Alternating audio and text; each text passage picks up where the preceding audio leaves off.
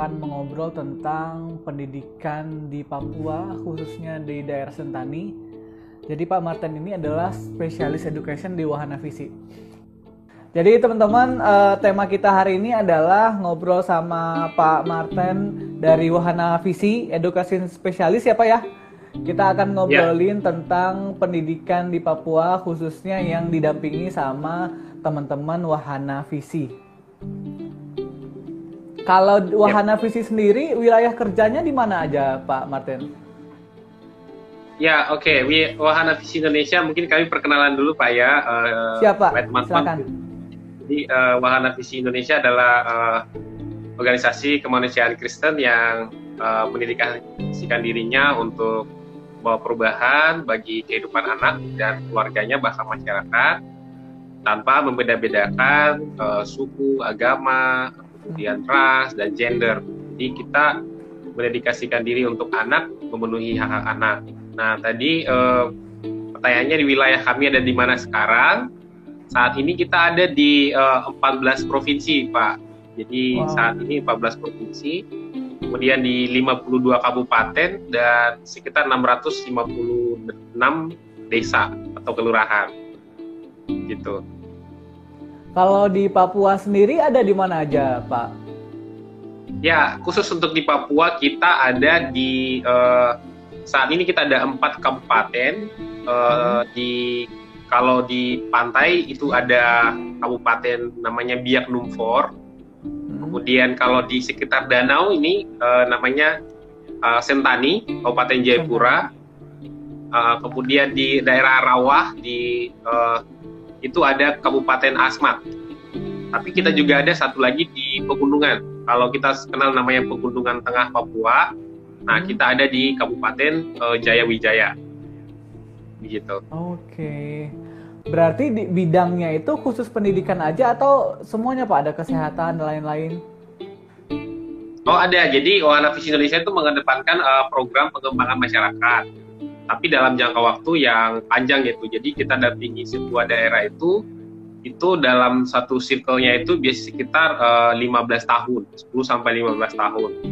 Nah, programnya itu uh, biasanya uh, setiap lima tahun baru dievaluasi seperti itu. Nah, kita ada program uh, bukan hanya pendidikan, Pak. Jadi kita juga ada uh, kita sebut sebagai perlindungan anak. Jadi program perlindungan anak memastikan bagaimana uh, empat hak dasar anak itu dipenuhi dengan program-program yang kita lakukan.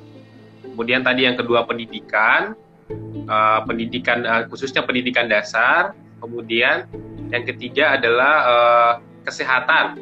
Jadi kesehatan ibu dan anak juga uh, jadi intervensi uh, Wahana Visi Indonesia. Kalau untuk di Papua itu kalau khusus di Asmat kita tahu dua tahun yang lalu di Asmat itu ada KLB campak itu juga WVI kita sampai sekarang masih ada di sana untuk uh, bagaimana melakukan program uh, nutrisi bagi ibu dan anak. Nah, yang terakhir kita ada program satu lagi uh, yang namanya uh, pengembangan ekonomi keluarga. Karena anak itu ada di dalam keluarga, jadi sangat dipengaruhi oleh bagaimana keluarganya bisa sejahtera. Itu juga pasti berpengaruh kepada kesejahteraan anak. Ya, gitu, Mas. Berarti pendidikan juga salah satu prioritas ya, Pak ya? Khususnya. Ya, di... betul sekali. Jadi kebetulan kalau di Papua untuk uh, strategi uh, di Papua, Wahana Visi Indonesia memilih untuk fokus ke pendidikan dasar hmm. dan perlindungan anak untuk uh, lima tahun ke depan. Begitu. Kenapa memilih pendidikan, Pak? Menjadi prioritas maksudnya uh, untuk teman-teman uh, apa yang ada di Papua gitu? Ya, ya benar sekali. Pasti ada alasannya ya, Mas ya. Jadi sekarang ya, satu ya. kita dasari pasti ada alasannya. Uh. Ya, jadi secara uh, kita bicara secara makro, secara besarannya memang uh, wilayah Indonesia bagian timur memang dari sisi akses masih sangat uh, boleh dikatakan masih beda lah dengan wilayah Indonesia bagian barat, tengah ke barat seperti itu. Nah, itu juga menjadi salah satu uh, alasan tetap Wahana Visi fokus di daerah, misalnya di Papua gitu. Hmm. Nah, kalau secara alasan utamanya sebenarnya juga dari sisi bukan hanya akses, tapi dari sisi kualitas. Karena tadi kita berfokus kepada anak, maka salah satu hak dasar anak adalah hak tumbuh kembang. Jadi berkembang, bagaimana dia uh, mengembangkan semua potensi yang dia miliki untuk bisa menjadi uh, anak yang sejahtera seperti itu. Nah dalam pendidikan kita lihat di Papua memang uh, kalau dilihat dari kualitas uh, memang masih jauh lah dari harapan seperti itu kalau kita lihat data-data dari pemerintah sebenarnya kita bisa juga melihat sudah ada banyak perubahan, banyak peningkatan, tetapi memang uh, belum pada hal yang diharapkan seperti itu. Nah, salah satunya adalah kita ada sebut yang namanya kalau angka indikator di nasional atau pemerintah kan kita sebut uh, angka partisipasi murni. Ya. Jadi kalau anak yang harusnya sekolah di SD uh, umurnya kan misalnya 7 sampai 12 contohnya tapi anak itu sekarang tidak tidak sekolah seperti itu. Nah, itu angkanya masih jauh dari nasional. Jadi kalau target nasional itu uh, masih di bawah lah. Kalau Papua mungkin belum sampai 80 persen. Artinya 80%. masih banyak, ya belum sekitar 79,15 itu data terakhir dari BPS. Itu secara makro. Tapi kalau secara kualitas juga kita lihat uh, eh, WVI selalu melakukan istilah ada kita sebut sebagai baseline sebelum kita melakukan program maka kita harus lihat dulu kondisi sekarang seperti apa. Nah hasil beberapa baseline yang kita lakukan itu dari sisi kualitas itu memang uh, kemampuan anak membaca dan memahami cerita itu masih sangat jauh dari harapan. Itu masih di bawah 50% atau hanya sekitar ya eh, uh, 40% gitu. Jadi uh, masih di sekitar 37 lebih. Artinya anak-anak uh, kita yang masuk sekolah pun yang sudah masuk sekolah sampai kepada kelas 3 itu belum bisa membaca lancar dan dia belum paham apa yang dia baca. Jadi hanya sekitar 30% lebih. Itu salah satu menjadi alasan. Belum lagi kita bicara tentang uh, fasilitas. Nah, ya. contohnya pandemi pandemi sekarang kan sangat susah tuh kalau anak uh, tidak ke sekolah memang betul-betul terputus hubungannya dengan sekolah tuh. Hmm. Kalau masih di daerah kota mungkin masih ada istilah daring kan nah itu ya. itu menjadi beberapa faktor saya pikir itu dulu ya. Oke. Berarti tantangannya cukup banyak pak ya buat yang untuk teman-teman pendidikan yang ada di Papua? Betul. Betul sekali. Nah pak iya benar. Uh, kemudian wahana visi sendiri kan untuk pendidikan. Biasanya itu di ya. ranah apa Pak? Kan kita udah tahu tadi tantangannya ada anak-anak yang bisa bisa nulis, apalagi paham hmm, hmm. tulisan gitu. Kemudian wahana ya, ya. visi dalam menyikapi itu biasanya melakukan program-program apa langsung ngajarin anaknya atau latihan guru atau gimana Pak? Oh gitu ya, secara rinci ya, secara teknisnya ya. Uh. Benar sekali. Jadi sebenarnya setiap setiap apa ya, setiap uh, orang itu punya andil di dalam uh, pendidikan. Jadi wahana visi mengambil perannya uh, sebagai uh, apa namanya NGO yang membantu kerja pemerintah juga tidak mengambil semua ya pastinya. Contohnya kita tidak mengadakan guru, kita juga tidak langsung mengajar di kelas, tapi kita oh. membekali melatih para guru bagaimana mengajarkan kalau untuk saat ini kita uh, kita namakan program kita itu kita beri nama wahana literasi. Wahana. Jadi wahana literasi itu sebenarnya bagaimana uh, setiap uh, komponen di masyarakat itu bisa terlibat dalam pendidikan anak, khususnya pendidikan dasar.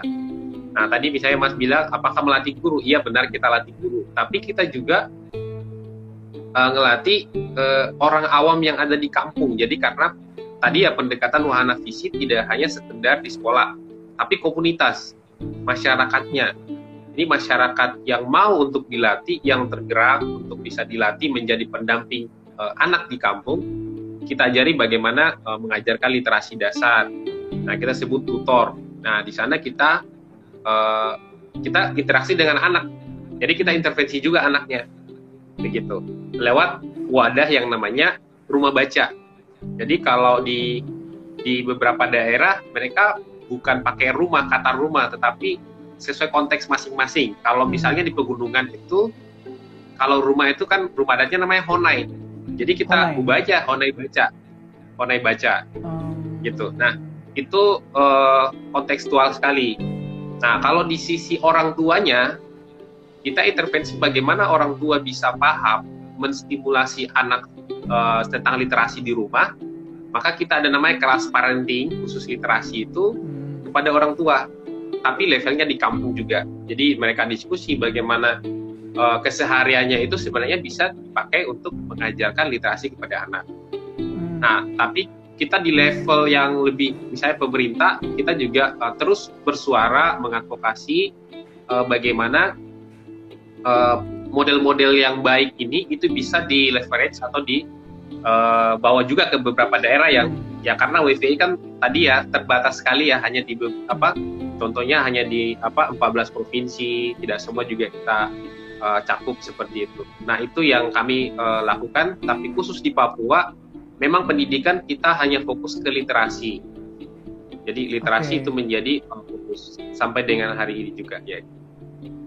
Oke, okay. berarti emang yang diintervensi itu semuanya apa mulai dari guru, anaknya langsung, hmm. orang tua, sampai ke ya. pemerintahan daerah gitu Pak ya?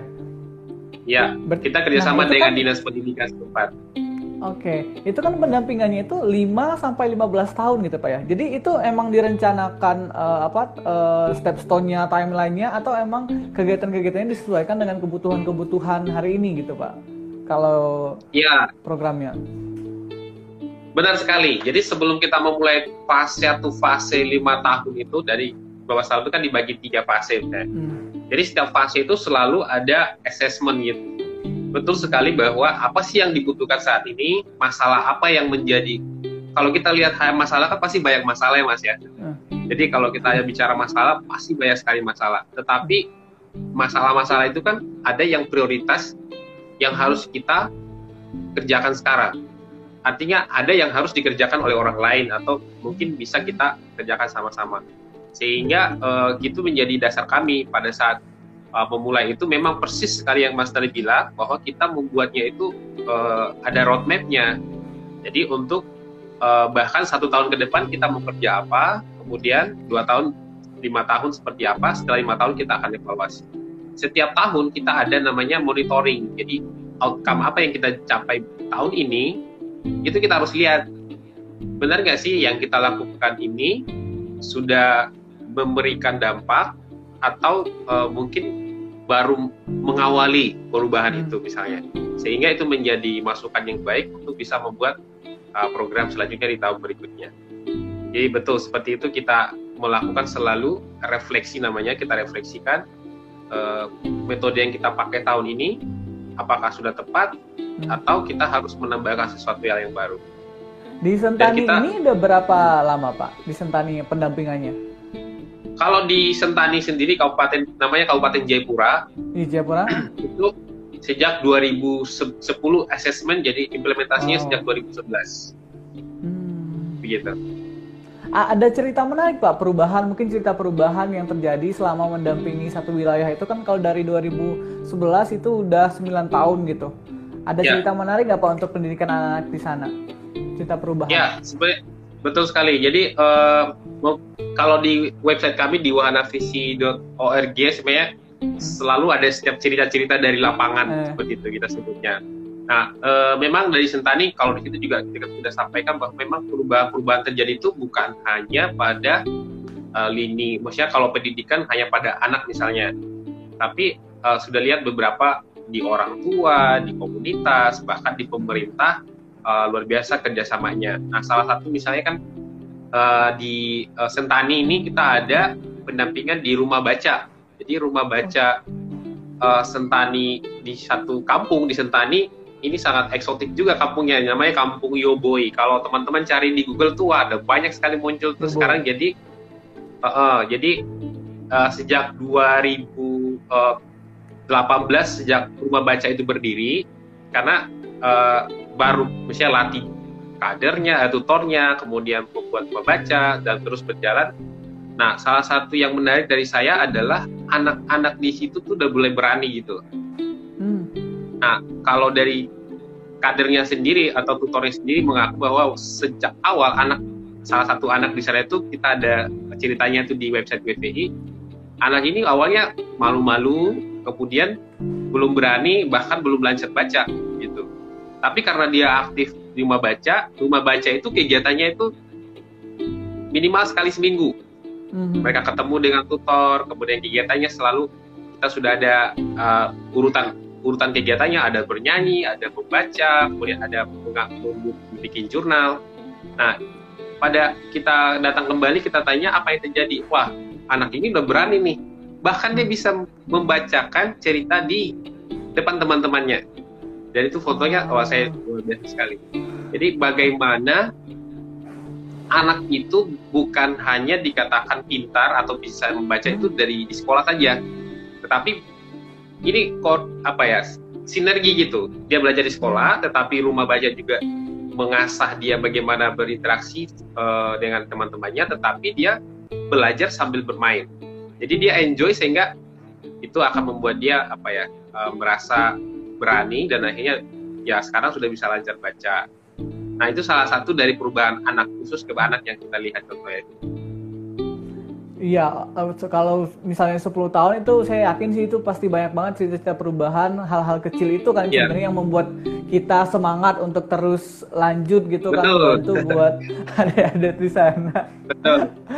Iya. nah, perubahan uh, itu kan kita tidak hmm? bisa lihat ya kalau kita tidak intens dengan masyarakat. Ini juga salah satu nilai yang ada di wahana visi bahwa kita datang ke masyarakat itu bukan membangun satu hal yang baru sekali, hmm. tapi sebenarnya masyarakat sudah punya. Tadi misalnya kan saya bicara tentang tutornya, wah perubahan pada tutor ini luar biasa sekali. Kalau tadi anaknya itu, tutornya ini tuh udah sampai membangun jejaring yang luar biasa menurut kami. Jadi uh, walaupun memang dia sudah dampingi sejak uh, eh, WVI hadir misalnya sejak 8 tahun yang lalu, tapi bagaimana dia menjaring dengan forum-forum literasi, pemerintahan, bahkan uh, dia sudah diundang beberapa institusi untuk men-sharingkan apa sih yang wow. terjadi di rumah bacanya dia gitu. Dan itu saya pikir uh, karena itu ya masyarakat sebenarnya udah punya potensi, kita hanya tinggal dampingi dan bagaimana tadi mendekatkan sumber daya, mendekatkan bagaimana eh, metode-metode uh, yang kita terapkan, hmm. yang kita model jaringkan juga Betul sekali. Jadi tidak hanya sekedar apa yang ada di sini, tapi sebenarnya di luar sana, apalagi dunia teknologi sekarang, sangat banyak kita bisa belajar dari luar. Sip. Saya sepakat sih Pak, maksudnya apa yang kita lakukan buat teman-teman di daerah bukan sesuatu hal yang baru yang kita kasih. Dia itu mereka itu hmm. sudah punya kelebihan, punya sumber daya yang bisa mereka manfaatkan gitu. Pak bicara pendidikan di wilayah Indonesia Timur khusus Papua kan banyak setiap orang kayak wah banyak banget nih tantangan di sana gitu Pak. Itu benar Pak, maksudnya banyak tantangan yang ada untuk mengembangkan pendidikan untuk anak-anak di Papua sana. Ya, itu bukan hal yang harus kita tutupi dan itu memang benar gitu. Jadi uh, uh, dilihat dari sisi luas wilayah saja Mas, secara secara luas wilayah saja kita lihat Pulau Papua tuh mungkin sekitar enam kali kali dari Jawa gitu contohnya hmm, ya, atau ya. berapa kalinya gitu bayangkan orang pikir hanya Papua satu wilayah saja wah itu jauh sekali dari kondisi yang sebenarnya ada di sini. Hmm. saya contohkan tadi wahana visi Indonesia itu kan ada di empat wilayah. Paling tidak mungkin sedikit memberikan gambaran contoh. Walaupun tidak semuanya ya saya contohnya misalnya kita ada di wilayah pantai kita ada di wilayah danaunya kita ada di wilayah rawahnya juga. Wah itu luar biasa tuh. Kalau kalau Mas pernah ke Asmat uh. itu kalau ada ibu kota yang namanya Agas itu kalau Mas datang sampai pulang itu bisa nggak injak tanah tuh di kotanya karena maksudnya gimana? Karena di bawah rawa kemudian jembatan itu semua di atas papan. Jadi oh ya rumah-rumah juga di atas kan nggak mungkin di rawa mas. Jadi ya orang di atas rawa gitu. Jadi istilahnya kota di atas rawa. Wah itu luar biasa tantangannya.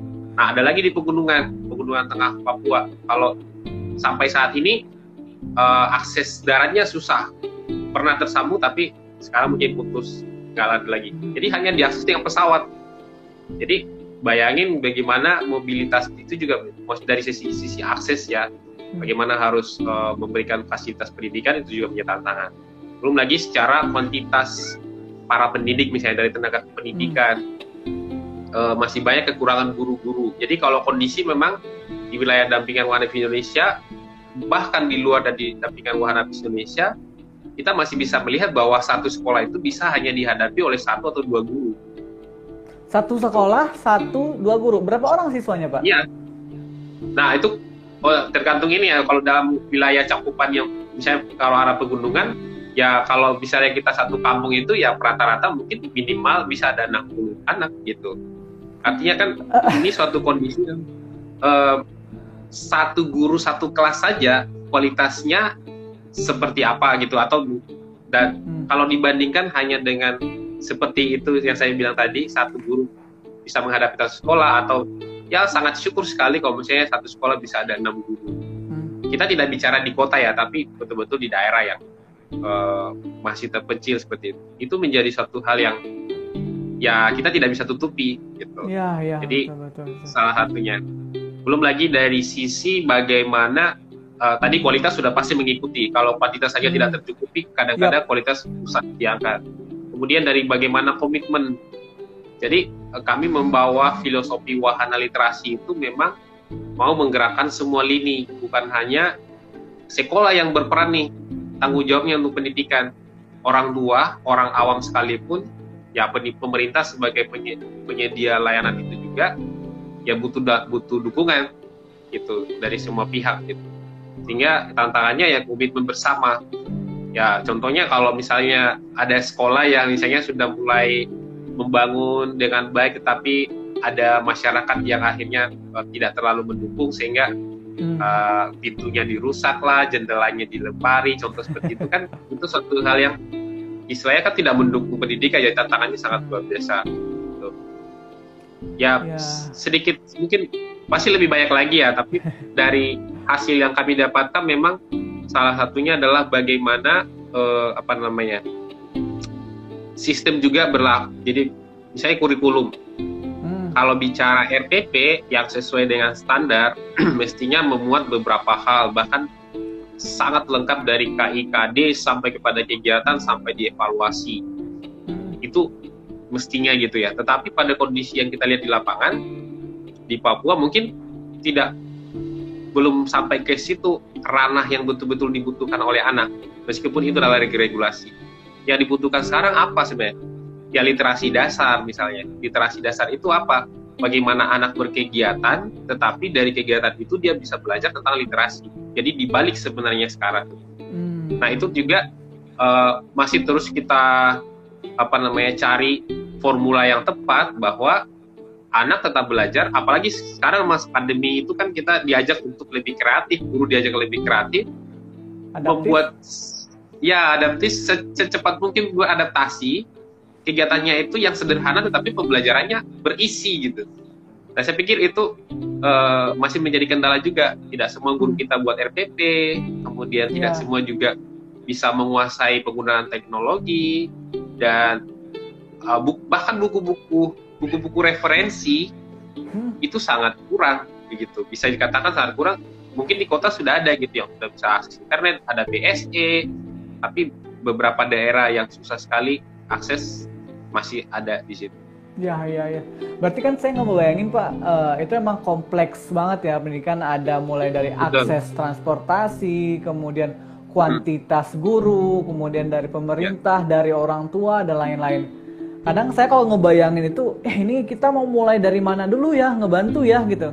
Masuk sini hmm. sini bolong masuk sini ke sini nah nah kalau bahasa sendiri kan tadi saya dengar akhirnya masuk ke hal-hal yang dasar seperti uh, literasi dasar gitu ya pak ya ke anak-anak gitu ya.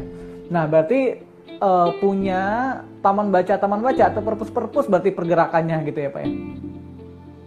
Ya jadi kita sebutnya sebagai rumah baca sebenarnya rumah baca itu baca program.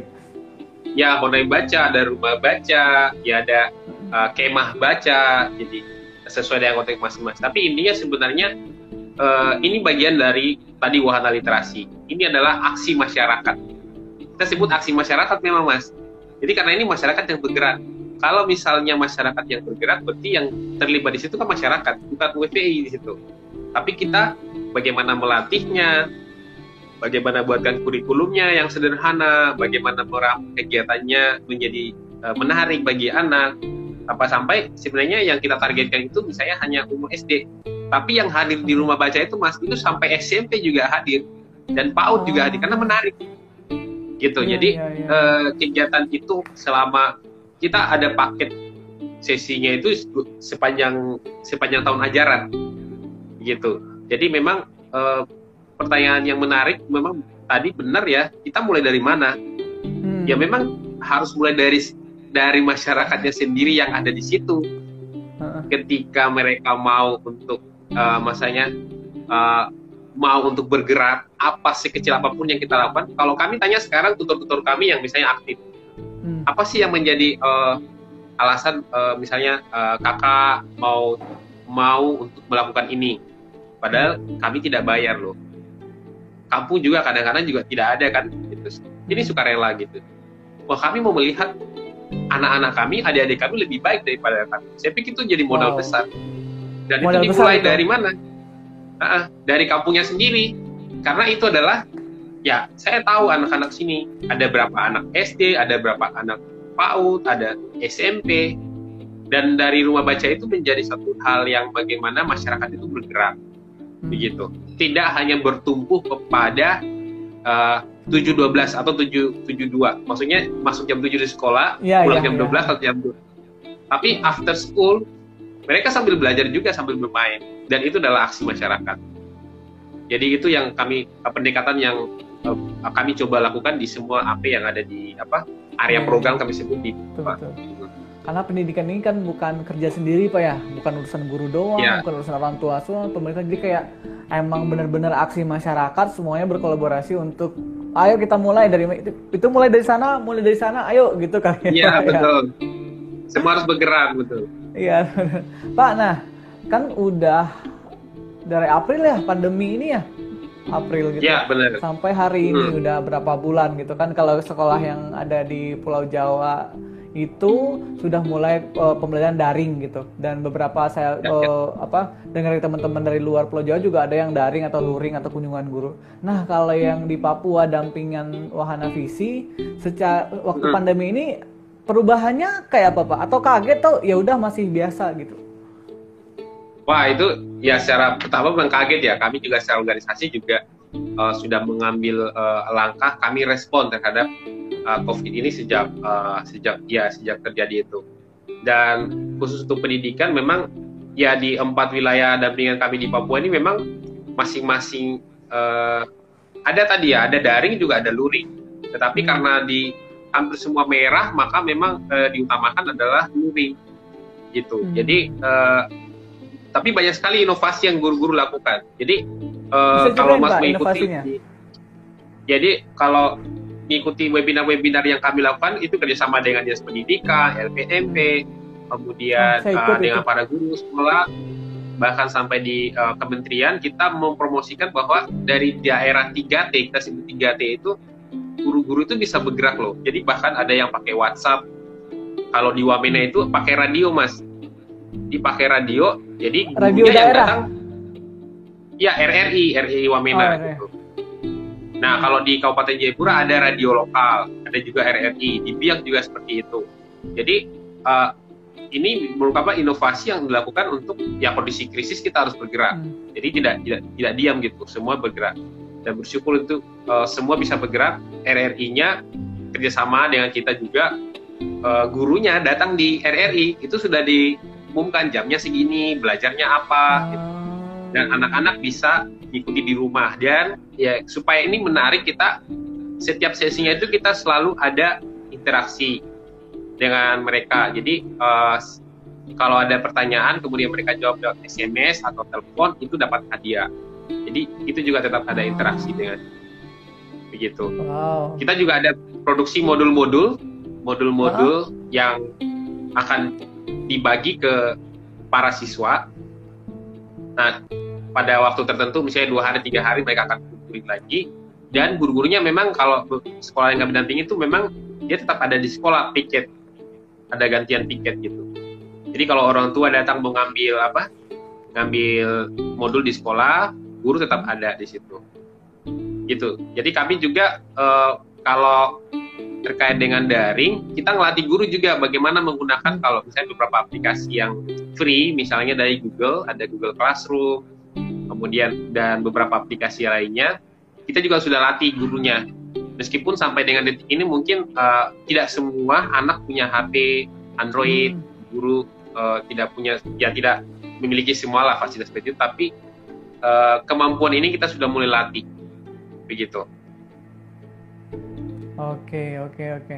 Kalau di desa Sentani sendiri yang dampingannya berarti tetap luring ya? Ada kunjungan-kunjungan gitu ya uh, Pak ya ya jadi kombinasi. Jadi ada uh, memang kalau uh, yang terjadi saat ini adalah orang tua datang ke sekolah ngambil apa namanya ngambil itu modul untuk anak dan ada juga oh. yang yang harus diantarkan.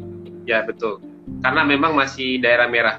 Cuman beberapa kecamatan yang sudah dikatakan hijau itu direncanakan sudah akan mulai ini ya sudah mulai sedikit apa namanya direlaksasi itu tapi tidak akan semua. Ya khusus untuk daerah hijau. Tapi menurut oh. surat edaran dari dinas mestinya mereka mengikuti pastinya dari uh, surat edaran dari uh, gugus tugas sama dinas tempat.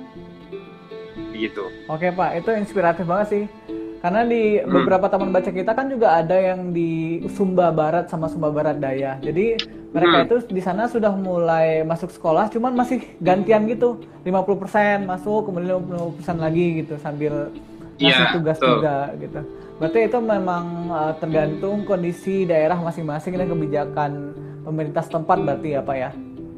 Ya, betul sekali. Minggu lalu untuk di Kabupaten Jayapura itu ya terakhir adalah semua kepala sekolah sudah ketemu dengan kepala dinas hmm. nanti pembagian wilayah mana yang merah mana yang hijau mana yang okay. masih kuning nah itu sudah di mereka sudah ada uh, keputusan bagaimana harus memulai yang sudah bisa tapi yang masih merah tetap dianjurkan masih tetap daring atau kombinasi uh. kombinasi oke okay, gitu. sip maksudnya uh, beberapa teman baca kita juga pada akhirnya menyesuaikan diri juga pak. Ada yang kita pinjamin buku ada kemudian kita sediapin oh, video-video pembelajaran secara online gitu.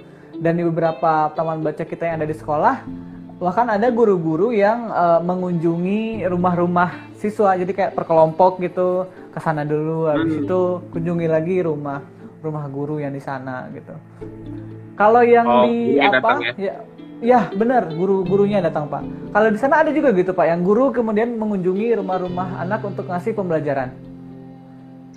Oke, sejauh ini uh, saya lihat memang tidak ada, tapi memang guru mengantarkan modul itu memang ada. Jadi tidak, tidak hmm. sempat apa namanya berkumpul. Kalau misalnya satu tempat, tadi misalnya satu tempat ya kumpul baru ngajar. Ya. Uh, sejauh ini saya tidak tidak melihat karena memang tetap masih dilarang. Tapi kalau untuk hmm. mengantar atau mengambil modul itu ya itu yang dilakukan gitu oke siap berarti luar luar biasa banget ini wahana visi kemudian uh, pak jadi kita, uh, eh, kan kita juga apa tidak bisa taman baca juga tidak bisa lanjut tanpa uh, apa kehadiran teman-teman relawan dan lain-lain. Nah, untuk teman-teman hmm. relawan bisa membantu teman-teman di sana untuk pendidikan di Papua, apa yang bisa kita bantu Pak dari sini? Yang oh, untuk bisa okay. berkontribusi maksudnya. Ha. Ya, ya, terima kasih. Jadi sebenarnya kita di website Wahana Visi itu memang ada satu uh, ayo terlibat itu memang di situ ada satu khusus untuk para relawan. Di situ ada banyak menunya untuk eh, kira-kira apa yang mereka bisa kontribusikan bisa langsung daftar di situ dan punya keahlian apa. Nah saat ini memang ya. Wahana Visi Indonesia melakukan lagi kampanye pendidikan Hmm. Nah, salah satunya adalah kita uh, apa namanya uh, mengkampanyekan untuk bisa dapat bantuan buku, baik itu buku bacaan, buku pelajaran, karena itu memang uh, sangat dibutuhkan saat ini. Kalau memang kita lihat kondisi di kota misalnya, orang bisa dapat langsung dari internet misalnya, ya, dapat ya, buku ya. secara Tapi memang kondisi kita di sini ya itu memang harus buku yang betul-betul bisa di apa hard copy. Nah itu kita sedang lagi ada apa namanya uh, apa kampanye di uh, website kita dan juga di IG Wana Visi ini juga. Sudah ada informasi eh, teman-teman uh, yang mau memberikan uh, apa namanya donasi buku baik itu buku bacaan buku pelajaran itu WPI lagi buka uh, kesempatan itu. Dan sebenarnya juga uh, di Papua itu usia di Biak itu sudah ini sudah batch yang ke kalau nggak salah ketiga. Mm-hmm. itu ada uh, relawan dari Jakarta teman-teman yang memang datang khusus untuk uh, misalnya khusus untuk datang ya mereka live in di kampung gitu. Apa yang mereka bisa lakukan oh. dengan anak-anak.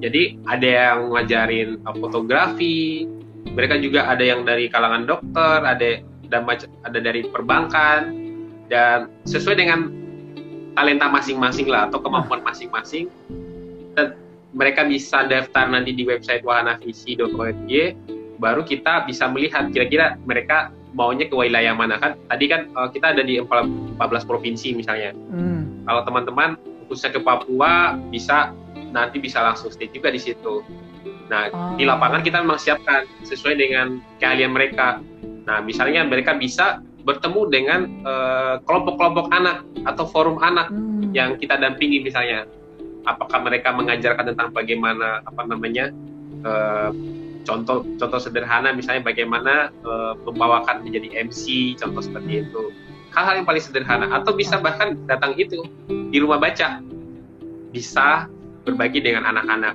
semacam kelas inspirasi hmm. seperti itu. Ya ya ya. Berarti bisa dua macam ya, Pak ya. Bisa datang langsung ke hmm. sana untuk memberikan pelajaran. Tapi untuk pandemi ini masih dipospon dulu ya, Pak. Nggak bisa datang sekarang. Benar ya. Betul. Makanya kita bikin membuka donasi untuk buku di okay, website benar. dan IG. Ya. Betul, jadi kalau teman-teman yang mau nyumbangin buku bisa langsung ke websitenya Wahana Visi Indonesia dan juga uh, kabar terbaru. Jadi Taman Baca Inovator juga mau menyumbangkan buku buat adik-adik di sana melalui Wahana Visi. Jadi teman-teman oh, juga bisa uh, juga bisa nanti nyumbang ke kita dulu nanti bisa kita juga kirim. Jadi bisa langsung ke Wahana Visi, bisa nanti ke kita nanti kita kirim lagi buat uh, adik-adik di sana. Pak, okay, sambil saya sambil baca pertanyaan yang ada di sini ya, Pak ya. Ini dari boleh, Kak Marsha sama Kak Anitya. Gimana Kak kegiatan belajar adik-adik di Papua selama pandemi? Apakah tetap muka, apakah daring, dan gimana mengatasi uh, kesulitan di sana? Bisa ini, Pak. Oh, luar biasa. Jadi pertanyaan ini pertanyaan pertama yang memang kita harus jawab memang kondisi kita saat ini bagaimana seperti yang saya katakan tadi, uh, Wahana Indonesia selalu mengupayakan masuk di dalam wadah yang ada di setiap kabupaten namanya pos pendidikan atau kerjasama hmm. dengan dinas pendidikan, kemudian ada penggerak atau pegiat pendidikan di kabupaten itu untuk tetap mengupayakan continuity dari pendidikan ini. Nah, kondisi saat ini memang uh, contoh di Kabupaten Jaya Jayawijaya di pegunungan Tengah Papua itu uh, kita inisiasi tuh kerjasama dengan dinas kumpulin semua para guru-guru. Kita bikin modul. Jadi modul apa? Modul untuk bisa nanti dibawa oleh anak ke rumah nanti dia bisa belajar di situ. Jadi itu bukan bukan hanya soal. Jadi bukan soal soal kemudian dijawab sisa tidak. Tapi di situ ada materi yang dia harus pelajari tetapi sudah dipilih eh, KI yang esensial. Maksudnya adalah kompetensi inti atau kompetensi dasar yang mestinya dikuasai oleh anak.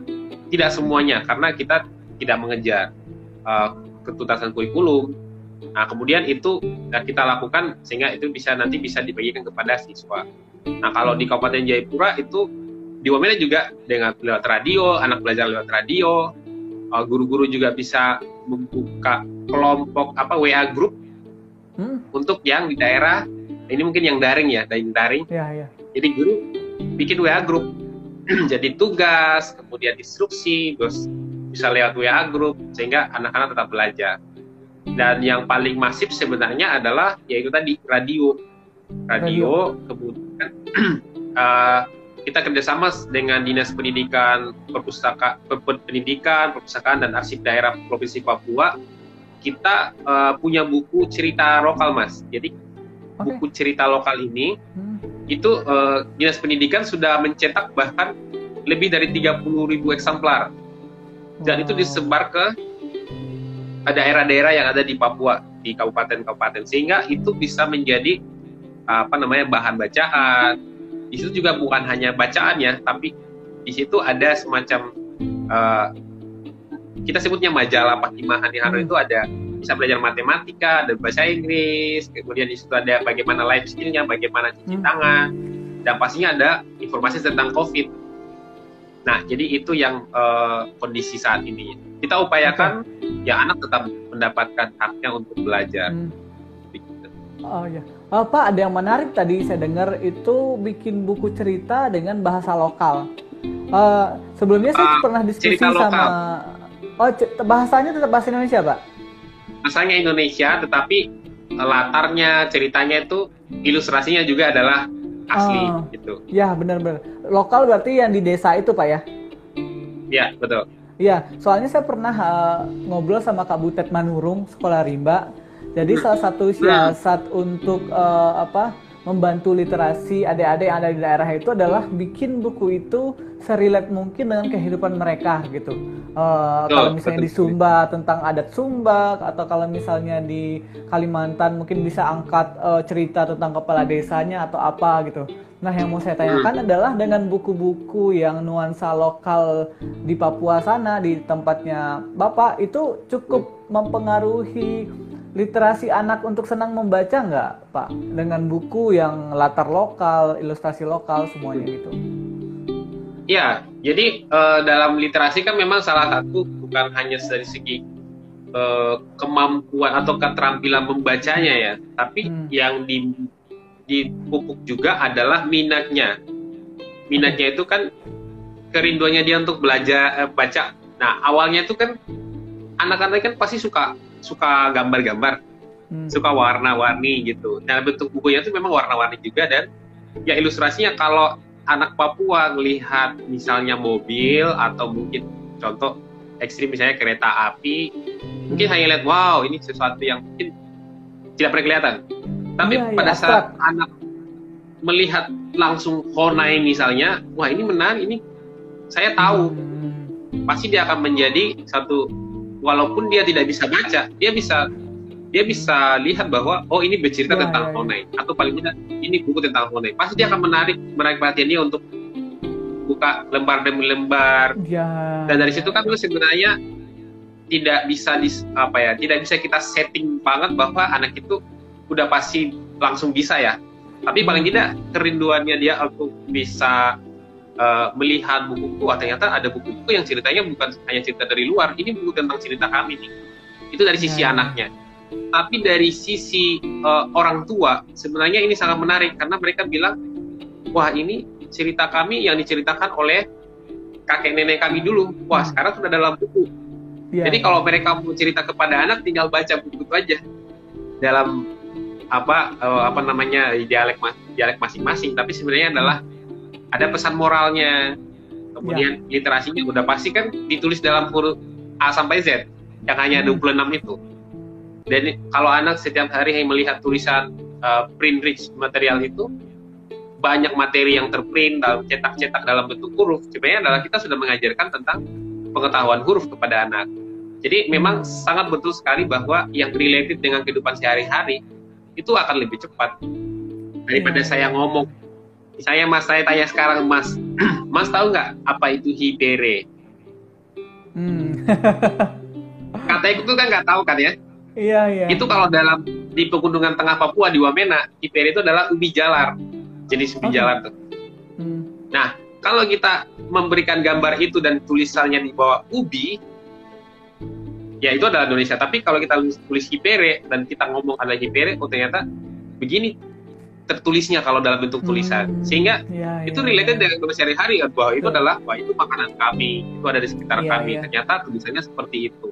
Jadi itu saya sangat sepakat sekali dan itu alasan kami juga mengembangkan uh, kita sebutnya sebagai material kontekstual material bacaan ya, ya, kah material pelajaran gitu Ya, gitu, bayangin, Mas. Aja, bayangin aja uh, Pak, misalnya kita mau ngajarin anak baca di daerah Papua Sentani dengan teksnya adalah hmm. Ibu Budi pergi ke pasar naik mobil. itu kan atau itu bisa diganti kali ya dengan sesuai dengan konteks kehidupan mereka, nama mereka, kemudian kendaraan mereka biar mereka lebih oh gini tulisannya gitu kali ya Mas ya. Betul. Jadi memang semua akan belajar ke sana, tapi memang masuknya adalah memang masuknya adalah budaya yang saya punya, budaya yang lokal. Saya juga akan belajar hal-hal itu, tetapi ya kalau kita lihat sebagai semacam fondasinya itu dibangun dari sini lebih kuat daripada langsung kepada hal yang tidak ada di lokasinya atau di budayanya okay. dan gitu. Siap. Nih ya. Mas pertanyaan selanjutnya nih dari Mas Yanditia, suka duka ya. di sana gimana pas suka duka di sana pasti awalnya ada pertentangan untuk join di sana agar bisa diterima dengan cepat dengan masyarakat daerah sini gimana suka duka Ya, kalau terkait wahana visi sendiri, wahana visi sudah ada di Papua itu hampir uh, sudah sekitar 40 tahun ya. Wow, jadi, 40 tahun. Sudah sangat ya, jadi pelayanan sejak pertama kali masuk seperti itu.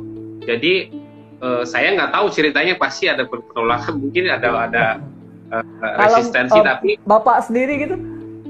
Nah, kalau kan saya baru masuk uh, tuh uh. baru masuk tuh sekitar 2012 Oh, gitu. Ya. Memang sudah ada istilahnya pelayanan WVI atau Wana Visi di Papua sudah set set lah settle seperti itu. Dan memang kalau pela, uh, pengalaman di lapangan sebenarnya adalah ya awal-awal memang kita pasti akan ditanya uh, program apa yang kalian lakukan, apa manfaatnya bagi kami. Hmm. Kenapa kami harus melakukan ini? Saya kasih contoh paling gampang, misalnya tadi itu terkait dengan membaca. Kenapa orang tua harus ngumpul-ngumpul ngomong tentang bagaimana menggunakan bawang merah, bawang putih untuk literasi contohnya. Ini ibu-ibu contohnya. Atau bagaimana menggunakan cangkul atau uh, skop pertanian contohnya untuk mengajarkan literasi. Ini kan hal-hal yang remeh yang mungkin ya di luar daripada hal wah ini WV tidak ada kerjaan ini. Iya. Tapi uh, lama kelamaan kita kembali kepada sebenarnya kita akar akarnya gitu loh. Uh, visi atau apa sih yang orang tua pengen lihat pada anaknya hmm. masa depannya lebih baik, pendidikannya lebih baik, berarti kan harus ada usaha yang lebih. Itu yang misalnya kami bisa lihat bahwa kita berangkat dari uh, tujuan masyarakat itu. Kita tidak membawa suatu mimpi kita saja, hmm tapi mimpinya masyarakat kita bisa kontribusi apa di situ. Itu sih. Jadi resistansi sebenarnya banyak bukan lebih kepada menolak uh, program hmm. sebenarnya kalau saya lihat ya tapi mungkin karena belum kenal belum memahami kemudian mungkin juga belum melihat apa sih yang dilakukan ini bisa betul-betul bawa dampak atau tidak gitu nah itu kan yang uh, bisa dipertanyakan ya ini jangan-jangan hanya datang satu bulan atau hanya uh, setahun atau dua tahun doang uh, jadi uh, trial and error nih gitu ya iya, pasti iya. semua pasti akan tanya itu kan gitu sih menurut saya yang pengalaman saya ya yang saya oke okay. Oke oke Pak, menarik sih. Tadi ada juga pertanyaan tentang tantangan paling besar pendidikan di sana. Mungkin udah dijawab tadi apa ya? Ada ada akses transportasi, kemudian ada fasilitas di sekolah, jumlah guru, kemudian penerimaan masyarakat, gitu kali ya Pak ya? Kalau kita simpulkan tentang tantangan yang ada di sana. Ada highlight nggak Pak tentang tantangan di sana? Ya, ya termasuk ya tadi disebutkan itu sudah ya saya pikir itu sudah semua orang udah pasti tahu itu Hmm. Dan salah satunya adalah metode gitu. Tantangan metode. terberat itu sebenarnya adalah konten yang kita mau bawa. Uh, kita kan bicara tentang pendidikan yang bermakna, pendidikan hmm. yang kalau kata Mas Menteri itu kan merdeka belajar. Hmm. Jadi sejauh mana saya menikmati pendidikan itu kan me, saya itu memberikan bukti bahwa saya sudah merdeka belajar apa enggak gitu. Ya, ya. Saya kasih contoh misalnya kalau kalau kita hanya mengikuti betul 100% contohnya, saya tidak menyalahkan kurikulum, tapi maksud saya adalah ya, ya. harus 100% plak kita aplikasikan di sini. Wah, saya pikir itu tidak fair. Sehingga tantangan yang paling berat adalah bagaimana semua guru atau penggerak pendidikan itu menerjemahkan kurikulum nasional itu hmm. yang menjadi konteks Papua yang bisa dinikmati oleh anak dan bahkan guru gitu. Aku hmm. misalnya aku sebagai guru, saya tidak perlu lagi harus menunggu koneksi internet. Ya. Baru saya bisa ngajar. Saya bisa ngajar kok di kebun. Saya bisa ngajar kok di di danau atau di rawa dengan lingkungan yang ada saya sekarang. Nah, itu tuh bagi saya itu tantangan berat. Seorang guru yang inovatif, yang kreatif dan memaksimalkan uh, lingkungan di mana anak itu berada menjadi sebuah pendidik uh, apa ya, materi belajar wah itu yang saya pikir luar biasa karena kelas saya itu nggak dibatasi sama dinding doang nah kan pandemi sekarang kan membuktikan itu kan kelas ya, itu betul. tidak dibatasi oleh kotak-kotak kelas tapi wah lintas jauh sekali bukan hanya desa saya bahkan kabupaten saya gitu saya juga bisa belajar di keluar yang dapat internet kan bisa belajar hmm. mau mau kunjungi museum Indonesia nggak eh, ketik aja situ kan museum contohnya kita bisa belajar banyak hal. Hmm. Itu sih bagi saya tantangan yang salah ya, satu ya. juga metode. Mm -mm, betul. Hmm. Oke, jadi intinya adalah kontekstual ya Pak ya, maksudnya nggak bisa gitu seragam satu dari pusat tuh seragam semuanya hmm. karena kebutuhan berbeda, sumber daya manusia, sumber daya alamnya berbeda gitu, konteksnya berbeda, oh. makanya disesuaikan. Jadi kata kuncinya adalah penterjemahan dari uh, guru, dari kepala sekolah, dari dinas gitu kan. Nggak yeah. bisa langsung merdeka semuanya belajar. betul. okay, ya betul okay. sekali. Siapa? Pak, kita nggak kerasa ini udah udah 55 menit kita ngobrol hampir sejam. iya ya. Biasanya Instagram iya, kalau udah sejam tiba-tiba langsung hilang aja takut nggak ke save gitu Pak. Oh, oke oke. Ya. Oke, mungkin Pak terakhir Pak ada pesan atau simpulan mungkin buat teman-teman yang apa teman-teman yang nonton gambaran hmm, hmm. pendidikan di Papua itu seperti apa? Yang penting kita tetap optimis ya Pak ya. Untuk pendidikan seluruh Indonesia ya. khususnya. Uh. Silakan Pak. Betul ya terima kasih. Um, kita yang ada di apa namanya di Indonesia ini kan sangat beragam budaya oh, banyak sekali. Itu potensi yang luar biasa dan Papua menjadi salah satu yang sangat unik dan saya pikir menjadi sebuah apa namanya uh, sebuah daerah yang masih butuh butuh butuh kerja keras dari semua orang. Okay. Nah, Wahana Visi Indonesia uh, hadir untuk bisa memberikan kontribusi yang sebisa mampu kita lakukan. Tapi wahana fisik juga ya bukan mengandalkan kekuatan sini juga ya malah hmm. kita mau bermitra sebanyak-banyaknya. Salah satunya ini kan taman baca inovator gitu. Hmm. Itu menjadi komitmen kami ya bahwa uh, kita bergerak itu bukan berarti di Papua ah, kita sudah tahu semuanya, WTI sudah tahu semuanya enggak. Tapi kita juga tetap belajar. Sebisa yang kita lakukan sekarang adalah kita upayakan yang terbaik. Dan kuncinya adalah tadi metode yang kita pakai dan itu kita bisa uh, kita klaim bahwa itu betul-betul bisa menolong anak bisa menikmati belajar guru bisa tertolong. Saya pikir ini yang harus di di leverage ya di uh, dikembangkan di beberapa daerah. Di Papua bukan hanya di saya layanan Wanabis karena uh, tidak mungkin kita katakan sukses kalau kita hanya ada di kota contohnya. Atau hanya okay. di satu kota atau di hanya satu kampung atau yang satu kabupaten tapi Papua yang lain itu luas sekali gitu, contohnya. Hmm. nah itu saya pikir uh, kata kunci bagaimana kolaborasi sinergi untuk maju bersama ini saya pikir uh, kami itu yang idam-idamkan bagaimana wahana literasi itu melibatkan mulai dari pemerintah masyarakatnya orang tuanya sendiri anaknya sendiri bahkan bahkan semua uh, penggerak relawan itu sangat WVI hargai sangat sangat menghargai relawan. Hmm karena mereka adalah orang yang tulus memberikan tenaganya, pikirannya, bahkan sumber dayanya untuk menolong perubahan pendidikan di Papua. Jadi saya pikir uh, hal itu yang saya bisa sampaikan bahwa apa yang kita lakukan ini adalah hal terbaik untuk anak-anak di Papua, untuk Indonesia Siap. pastinya, gitu. Siap. Terima kasih Pak. Ini ada Mbak Kiki nih. Mbak Kiki ini dari Happy Heart. Salam untuk kawan-kawan oh. agen perubahan baik di Papua. Semangat dan sukses selalu. Teman-teman ya, Happy Heart juga di Oke, Pak, terima kasih banyak Pak. Pak Martin terima kasih banyak. Jadi uh, kesimpulannya ya. adalah buat teman-teman yang mau berkontribusi untuk uh, pendidikan Indonesia, khususnya Papua, bisa nanti langsung donasi, bisa cek di websitenya Wahana Visi Indonesia, bisa cek uh, IG Wahana Visi Indonesia, nanti juga bisa cek IG Taman Baca Inovator. Jadi nanti uh, Taman Baca Inovator dengan Wahana Visi kita akan ada proyek bersama nanti tentang literasi. Mudah-mudahan bisa kita jalankan bareng-bareng ya Pak ya, karena sesuai. Ya uh, kita tadi bahwa ini adalah kerja bareng-bareng semakin banyak kolaborasi itu semakin bagus. Pak ya. Martin salam buat teman-teman di sana, buat guru-guru di sana tetap semangat. Saya hormat sehormat-hormatnya buat teman-teman di sana. Oke, terima kasih. Oh, ada ada Mbak Menur juga ya. Terima kasih Mbak Menur. Mbak Menur. Teman dari Semarang. Oke. Terima kasih okay. banyak Taman Baca Inovator sudah mau untuk mendonasikan buku. Kami sangat menghargai ini dan ya pastinya anak-anak di sini pasti akan senang sekali dapat buku ini. Terima kasih. Oke, siap. Jaga kesehatan di sana, Pak. Siap. Siap. Terima siap, kasih. Pak. Selamat siang. Ya, Salam kasih. sehat. Salam sehat.